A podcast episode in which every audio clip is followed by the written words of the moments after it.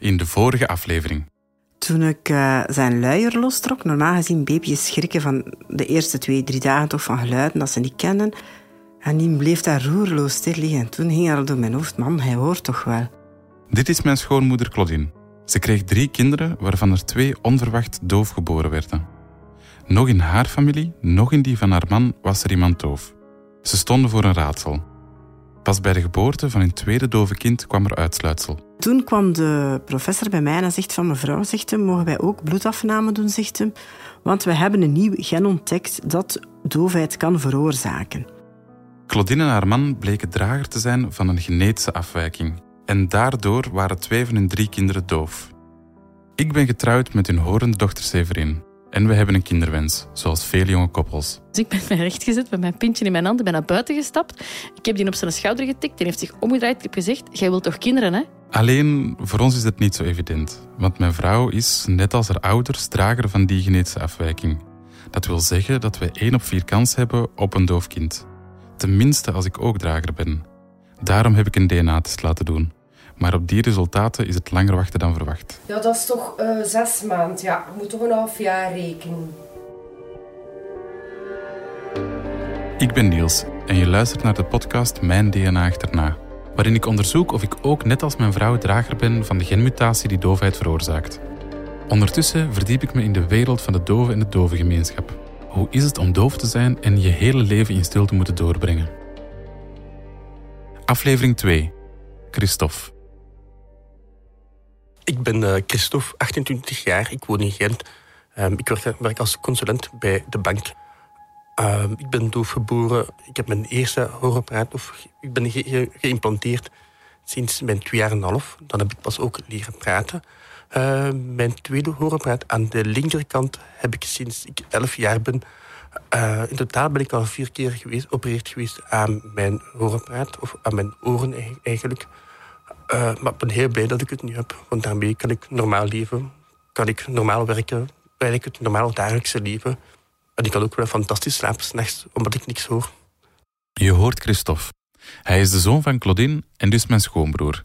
Je zou het waarschijnlijk niet verwachten, maar hij is effectief doof. En toch hoort hij, dankzij het hoorapparaat waar hij over spreekt.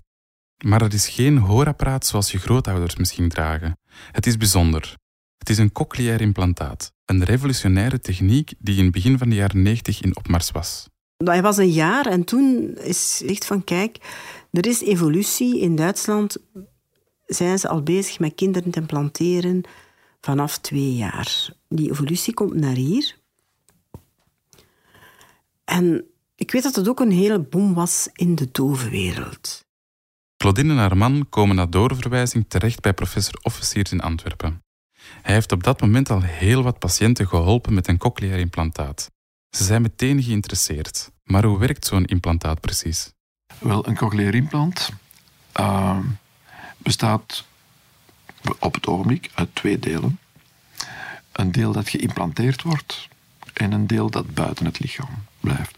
En die twee delen die communiceren met elkaar op draadloze manier.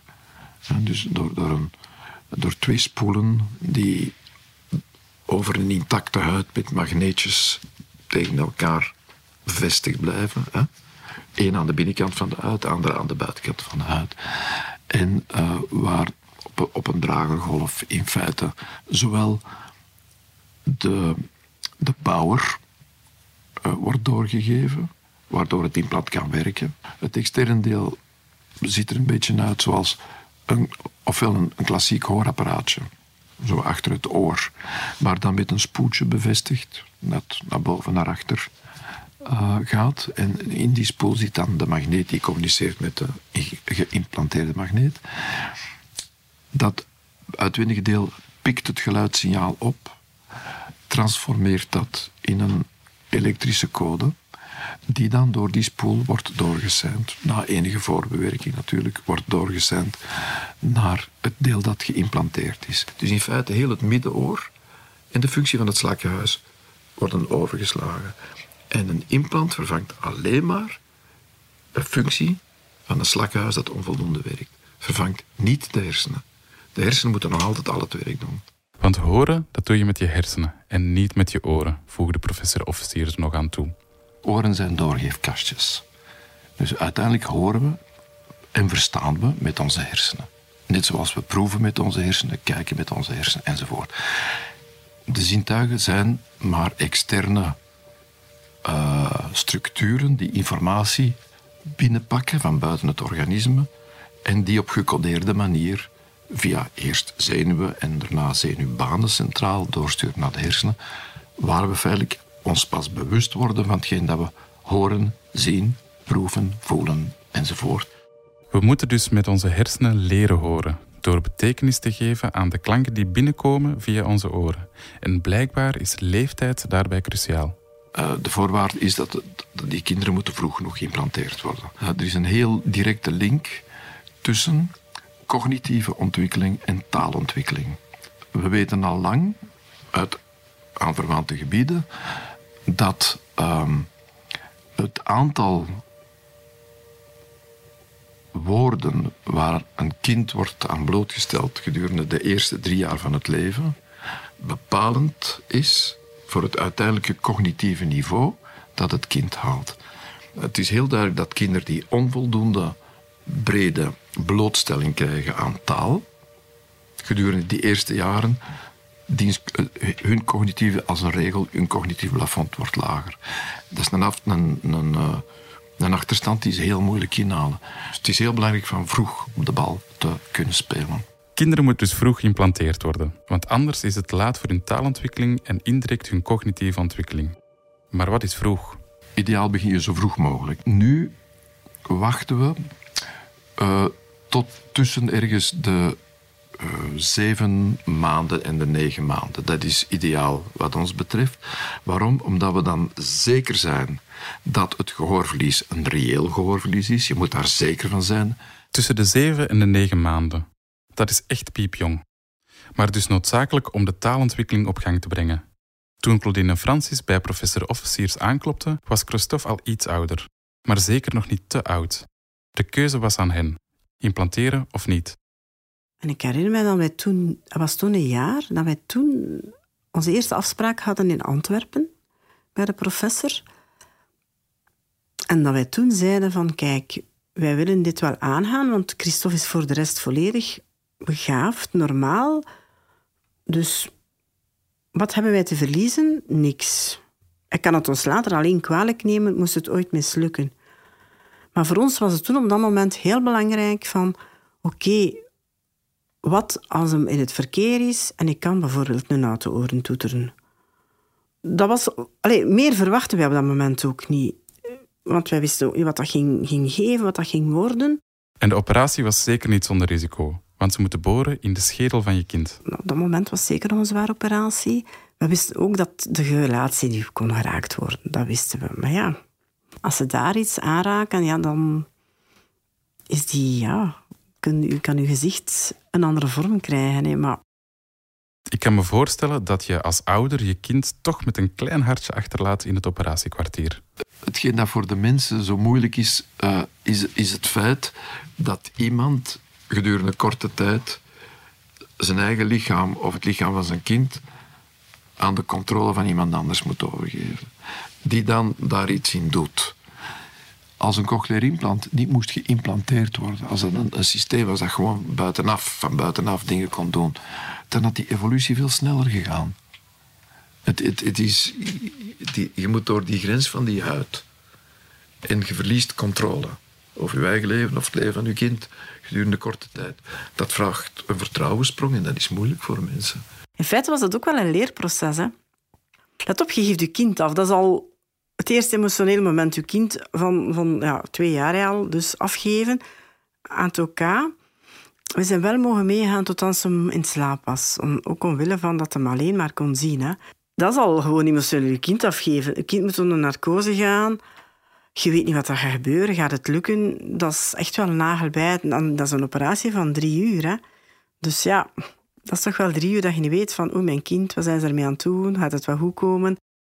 Ik vroeg me af of Claudine en haar man dan nooit getwijfeld hebben. Er was in feite geen andere keuze. Het was dat, of gaan ze uw kind, uw kind gaan zijn leven doof laten, of toch maar proberen. We hebben daar nog een paar keer echt waar, want we hadden bijna iedereen tegen hoor. Uh, we hebben echt moeten op ons strepen staan van wij willen dit wel. En, maar ik zeg, ja, wat hebben wij te verliezen? Er is niks anders met dat kind aan de hand. En dan gebeurt het. Het is 1995. Christophe wordt geïmplanteerd aan één oor, zijn rechteroor. Dat is stap 1. Want na de operatie kunnen ze nog niet meteen horen. Het is pas een maand later dat het uitwendig toestel op de magneet geplaatst wordt. Vanaf dat moment start er een intensief proces. Christophe moet nu leren horen. Ik denk dat we na een maand of na zes weken, dat weet ik niet juist niet meer, mochten we gaan voor de eerste fitting. Dat was zeggen dat de uitwendige kant op de magneet werd geplaatst en stenselmatig geluidjes werden uh, aangegeven. Hè. Dus uh, ja, en die eerste keer dat was toch wel heel, heel spannend ook wel. Zo van, ik herinner mij, want ik was toen lichtjes verkouden. En ik, had, ik zat met een hoest. En elke keer als ik hoestte, begon dat kind in paniek en te wenen, omdat hij niet wist wat, wat dat was. En ook zo wel in, in huis rond geweest. Zo van, kijk, dat is de kraan, dat is water. Ja, en dan ook een koe tonen als je een geluidje van een koe hoort. Als je een hond hoort blaffen, een, een hond tonen. Allee, zo op die manier is hij, is hij stilletjes aan beginnen geluiden opvangen. Met het cochleair implantaat leerde Christophe horen. Maar nu moest hij natuurlijk ook leren spreken. Want tot dan had hij gecommuniceerd met gebaren. Er volgen ontelbaar veel logopedielessen en dat was niet evident. Ik ben daarmee begonnen in de uh, kleuterschool, maar de dovenschool in Sint-Pieters, Woluwe. Uh, ik heb daar twee jaar en een half gezeten. Uh, eigenlijk drie jaar, maar het derde jaar was deeltijds in de dovenonderwijs en deeltijds normaal onderwijs. Waarom eigenlijk dovenonderwijs? Omdat ik daar dagelijks van maandag tot vrijdag één à twee uur logopedie kreeg. Ehm, als mijn klankkreet niet goed was, nou, leerden ze mij hoe ik mijn tong moest leggen, ehm, articulatie met de mond, ook bijvoorbeeld voelen. Ehm, als mijn logopediste voel, uh, praten, dan leg ik mijn hand op haar keel bijvoorbeeld, zodat ik voelde van hoe dat dan moest klinken. Want het verschil is tussen hoge of lage intonatie. Uh, en ik heb dat gedaan tot mijn 18e verjaardag. Ja, natuurlijk, als je al ouder wordt, kunnen we meer en meer uiteraard.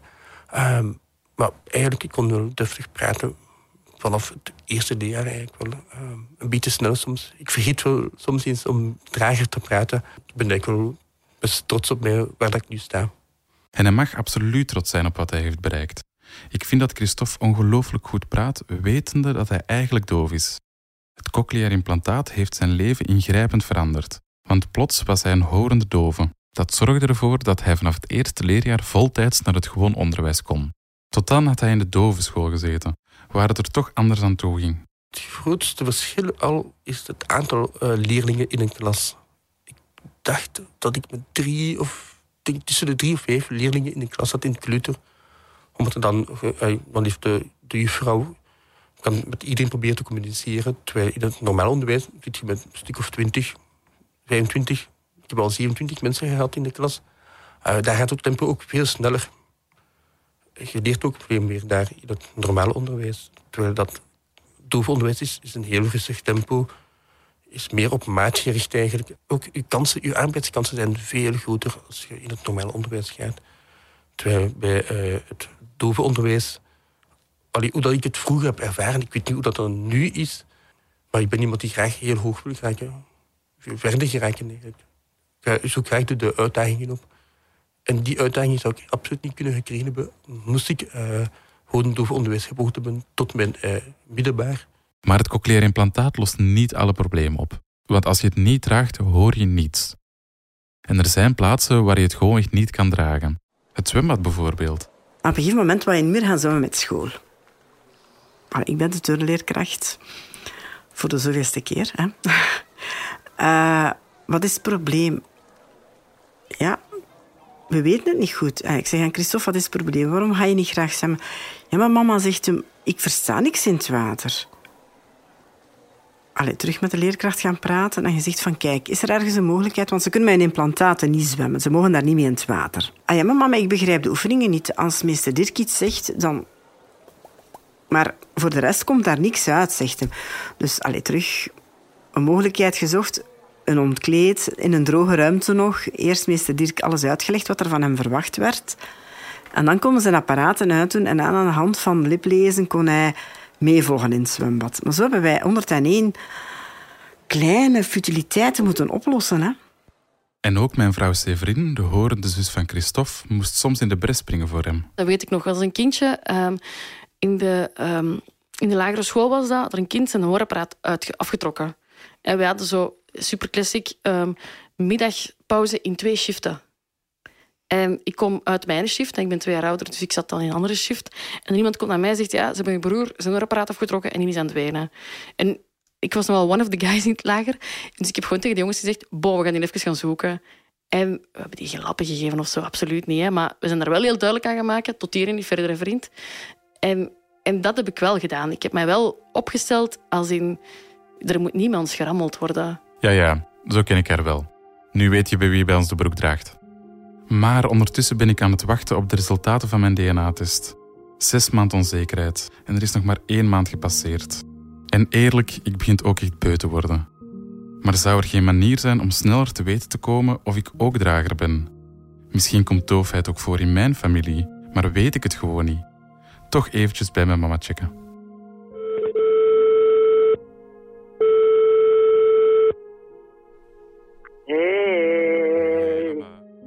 Weet wel, uh, langs de vaderkant, maanmeter, daar moesten alles heel hard tegen zeggen. Maar pas op jong, waar als ik over, dus over spreek, dat is de jaren 1900 en ik weet niet hoe dingen. Hè. Ik ben in 55 geboren en ik heb die eigenlijk feitelijk niet zo heel lang in, dus, dus geweten.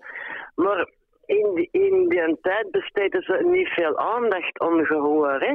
Dus ik weet wel, als je tegen tante Maria, dat was mijn meter, um, wel wat harder moest, moest, moest babbelen. Want dit, is, want dit sprak zelf ook heel hard. Dat weet ik wel. Maar echt het doorvaat, nee. Oké, dat spoor loopt dood. Maar via via heb ik gehoord dat er zoiets bestaat als een genealoog. Iemand die stamboomonderzoek doet en zo kan nagaan of er een bepaalde ziekte in je familie voorkomt. Oké, even kijken wie dat we hier vinden. Benoit van Meerbergen. Ja, dat is precies wat ik nodig heb. Um, ik ga zien dat ik die een bericht kan sturen via Facebook of via LinkedIn. Um, beste Benoit. Uh, ik ben Niels de En ik maak een podcast rond doofheid en genetica. Uh, ik zou specifiek willen weten of er doofheid in mijn familie voorkomt. Uh, is dat iets dat jij kan nakijken? Met vriendelijke groeten. Alright. Maar we waren bezig met het verhaal van mijn schoonbroer Christophe. Je mag niet vergeten dat hij als kind maar met één oor hoorde, zijn rechteroor. Want alleen dat oor was op zijn twee jaar geïmplanteerd. Pas acht jaar later wordt zijn ander oor, het linkeroor, ook geïmplanteerd. En dat is bij Christophe gebeurd als hem in het vijfde leerjaar zat, omdat zijn één implantaat het begaf, het stuk was. En dan hebben ze de kant geïmplanteerd waar hij tien jaar niks gehoord mee heeft, waar die ook niet gestimuleerd was, omdat dat ook niet... Hoorde ook niet mijn gewoon oorapparaatje. Wat nu zijn beste kant is om te horen. En dan hebben ze het defecte implantaat weggenomen aan de andere kant.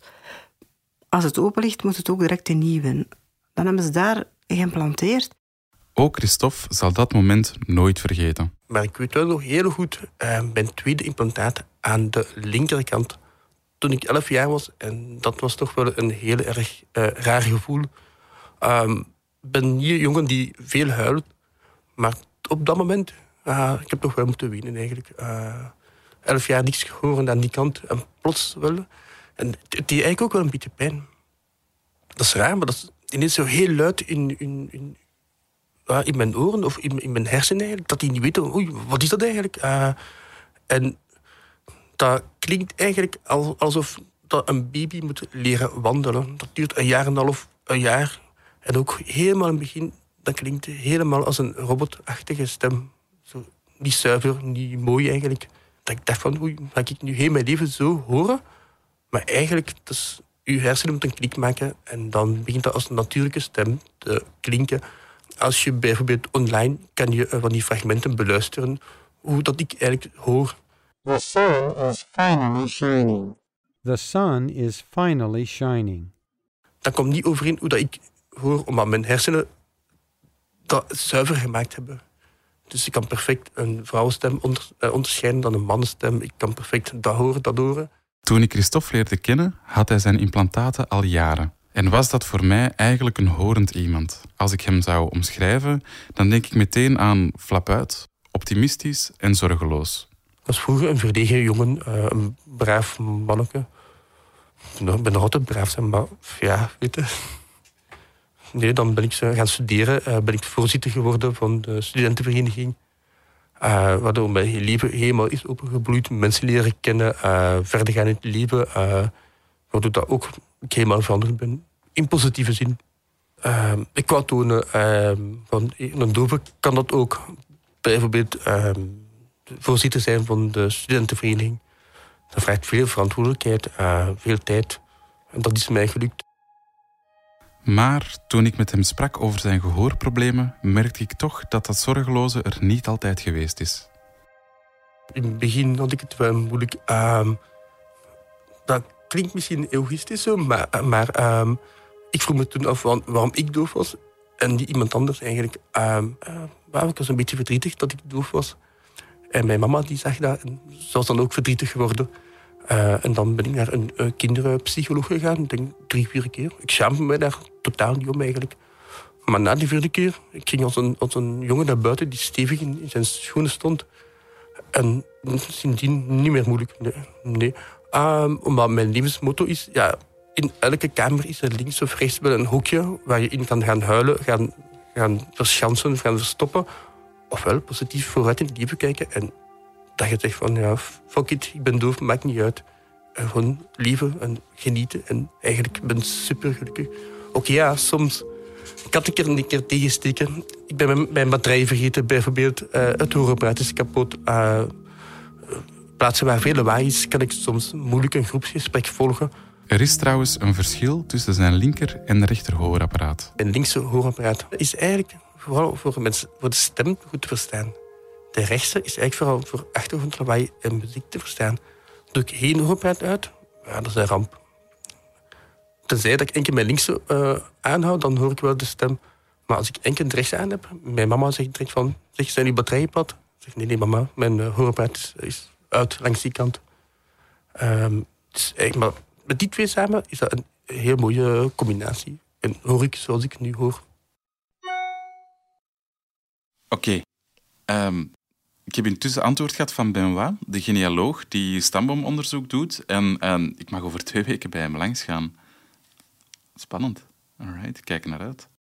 Dus in jouw geval, de opdracht om te zoeken of dat er doofheid ergens geregistreerd is of vastgelegd is in de bevolkingsregister, moet ik concluderen dat dat niet het geval is.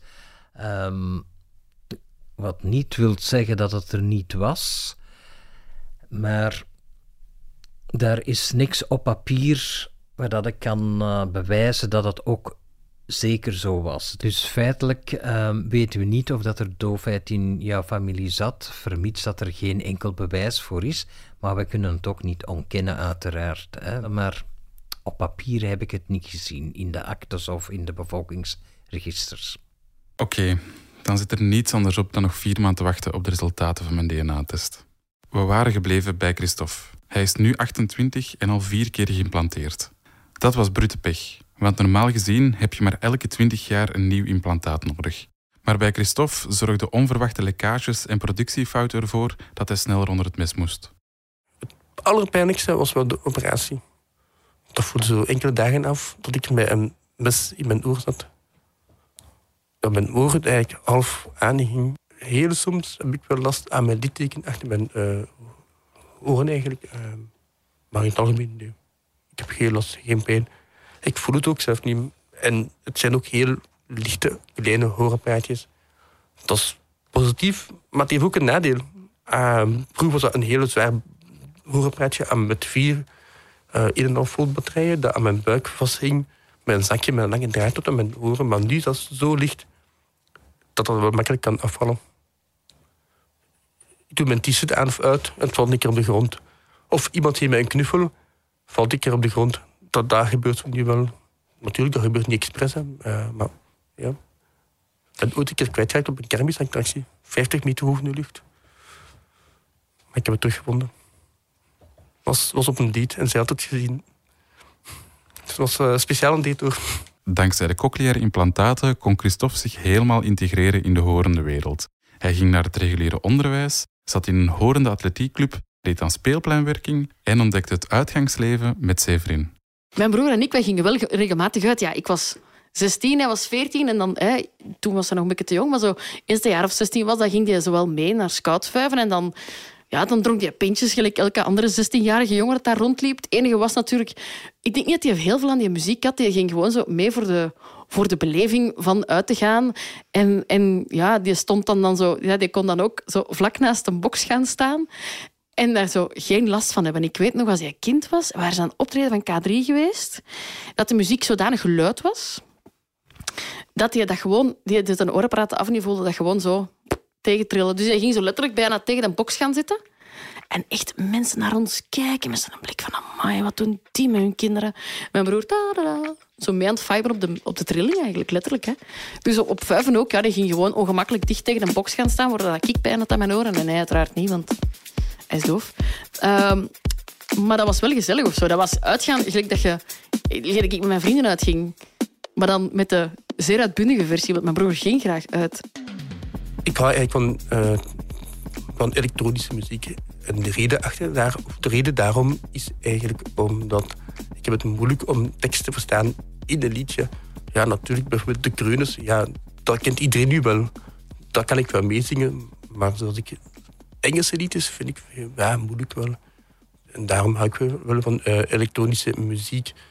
Ik hoor wel de verschillende melodieën in uh, muziek eigenlijk. Ik voel het ook wel. Uh, ik heb deze zomer naar het Doerfestival geweest, naar, naar Gent bepaalde feestjes gedaan. Dat mijn kameraden die waren eigenlijk verbaasd dat ik heel goed mee kon dansen met de juiste beats, zodat ik op maat zat. Dat was eigenlijk wel leuk om te horen. Dus betekent wel dat ik het wel, dat ik het wel goed hoor. En hij hoort ook effectief goed. Maar Claudine, zijn mama, wees er me nog wel eens op dat je zo'n cochleair implantaat niet mag idealiseren. Wat mij ook dikwijls is opgevallen bij de generatie van nu, Ah ja, er is cochleair implantaat, dus dat is opgelost. Die staan daar ook niet bij stil dat kinderen ook nog wel recht hebben om doof te mogen zijn. Als onze kinderen geen zin hebben om die apparaat na te doen, dan mogen die dat van ons wel uitlaten. En, en wij appreciëren ook wel dat ze in dove momenten willen. Ik zeg altijd, geef iemand die niet kan lopen een rolstoel, maar daarmee is zijn handicap niet opgelost. Dus bij de horende ouders die nu een kind krijgen die doof is, oei, die kennen die wereld niet. En die denken dat die implantaten alles gaan oplossen. Nee, dat is zo niet. Als hun batterijen uitvallen, zitten ze plots zonder geluid. En dat had voor Christophe ooit verregaande en zelfs levensbedreigende gevolgen.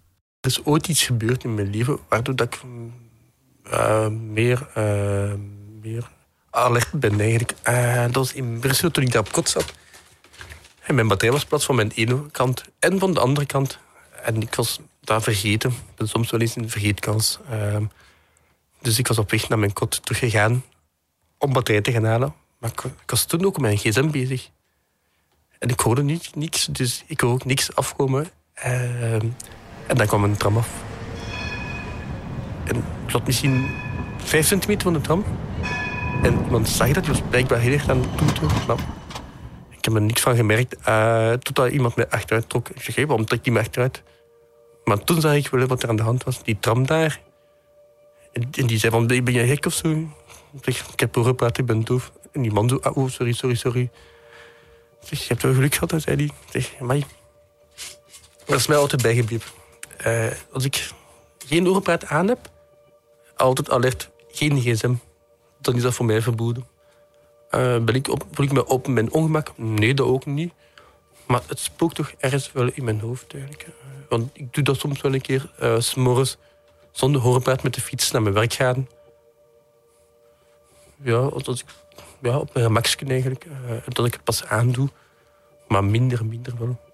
Wat was ik toen? 20, 19 jaar? Maar dat heeft wel, toch wel iets gedaan met mij. Ja. Heel hard geschoten. Zeker toen ik naar huis aan het wandelen was. Heb ik wel toch een, een goede duvel gedronken om uh, van te bekomen. En reservebatterij meegepakt. Dat toont hoe kwetsbaar je bent als je niet hoort. Zeker in het verkeer. Maar het heeft ook zijn voordelen. Christophe kan nog altijd genieten van de stilte, die onlosmakelijk verbonden is met zijn doofheid. S'morgens, als ik opsta, uh, ja, dan zeker een uur, allee, zolang dat mogelijk is, als ik moet gaan werken, doe ik mijn hoorapparaat aan. Maar ik geniet ervan om s'morgens uh, op te staan, koffietje te drinken, niks te horen en rustig mijn krant te lezen. Zonder lawaai. Of uh, op mijn werk bij de bank. De eerste twee uur s morgens, als ik van thuis uit werk, doe ik mijn hoorapparaat niet aan. Dat is beter voor mijn concentratie. geen afleiding. Dus er zijn wel momenten, ja. Of uh, s'avonds, als mijn vriendin al slaapt en ik wil nog tv kijken, soms doe ik wel eens mijn hoorapparaat uit. En zo heb ik Christophe ook leren kennen, zonder hoorapparaten. De eerste keer dat ik hem zag was op kot bij Severin, toen we elkaar pas leerden kennen. Hij lag te slapen op haar zetel nadat ze samen de avond ervoor uit waren geweest. En de Niels die komt binnen en die, die kijkt naar, naar die onbekende man voor hem toen ook nog op de zetel en denkt, maar ligt er nu een, random man op die zetel? Ga gewoon... En, en is dat nu niet super raar dat hij doorslaapt? En ik weet, en ik zet hem dan op de grond toen ik geef een tas koffie. En ik begin honderdduit te vertellen over hoe dat feestje was geweest. Bla, bla, bla, bla, bla. Keiluid. En ik zag die echt naar mij kijken. Van, allee, dat is niet toch... Maar ik ga erover zwijgen. En plots draait mijn broer zich op de zetel om. Kijkt naar Niels, doet zijn ogen terug toe en draait zich verder om. En dan... De, de, ik, ik, ik, weet dat hij toen, toen pas durfde zeggen er ligt iemand op uw zetel, waarom word je daar niet wakker van? Ik zeg, dat mijn broer, die is doof. Hè? Ah ja, dat is juist. Ah ja, oh my god. En dan zo, dan zo alle besef wat daarbij komt van, ah, die is doof, dus die zal niet wakker worden. Dus nee, die vindt dan niet raar dat je hier op de grond zit te babbelen. Dus ja, wij mogen luid praten. Al die dingen komen daarbij. Hoorapparaten werken voor Christophe als een soort schakelaar. Als hij ze draagt, schakelt hij in de horende wereld in en functioneert hij als iemand die hoort. Als hij ze uitdoet, dompelt hij zich onder in de stilte en is hij weer een doof persoon. Maar niet iedereen is geholpen met een cochleair implantaat of kiest er bewust voor om zich niet te laten implanteren en doof te blijven. Bart bijvoorbeeld. Zijn verhaal hoor je in de volgende aflevering. Ik definieer mezelf echt wel als doof. Ik heb een dove identiteit. Vroeger had ik, was ik echt zoekende. Toen ik alleen maar in de horende wereld leefde, had ik echt wel het gevoel van ik mis hier iets, maar ik kon er de vinger niet op leggen. Want door contact te maken met die dove gemeenschap en te zien u gelukkig zou eigenlijk zijn met zichzelf, is er in mijn denken op dat vlak ook een ontwikkeling gekomen. En nu heb ik echt een dove identiteit. Volg nu ook het tv-programma Ons DNA, elke donderdag bij VTM, met Frances Luffeburen en Lieven Schijnre.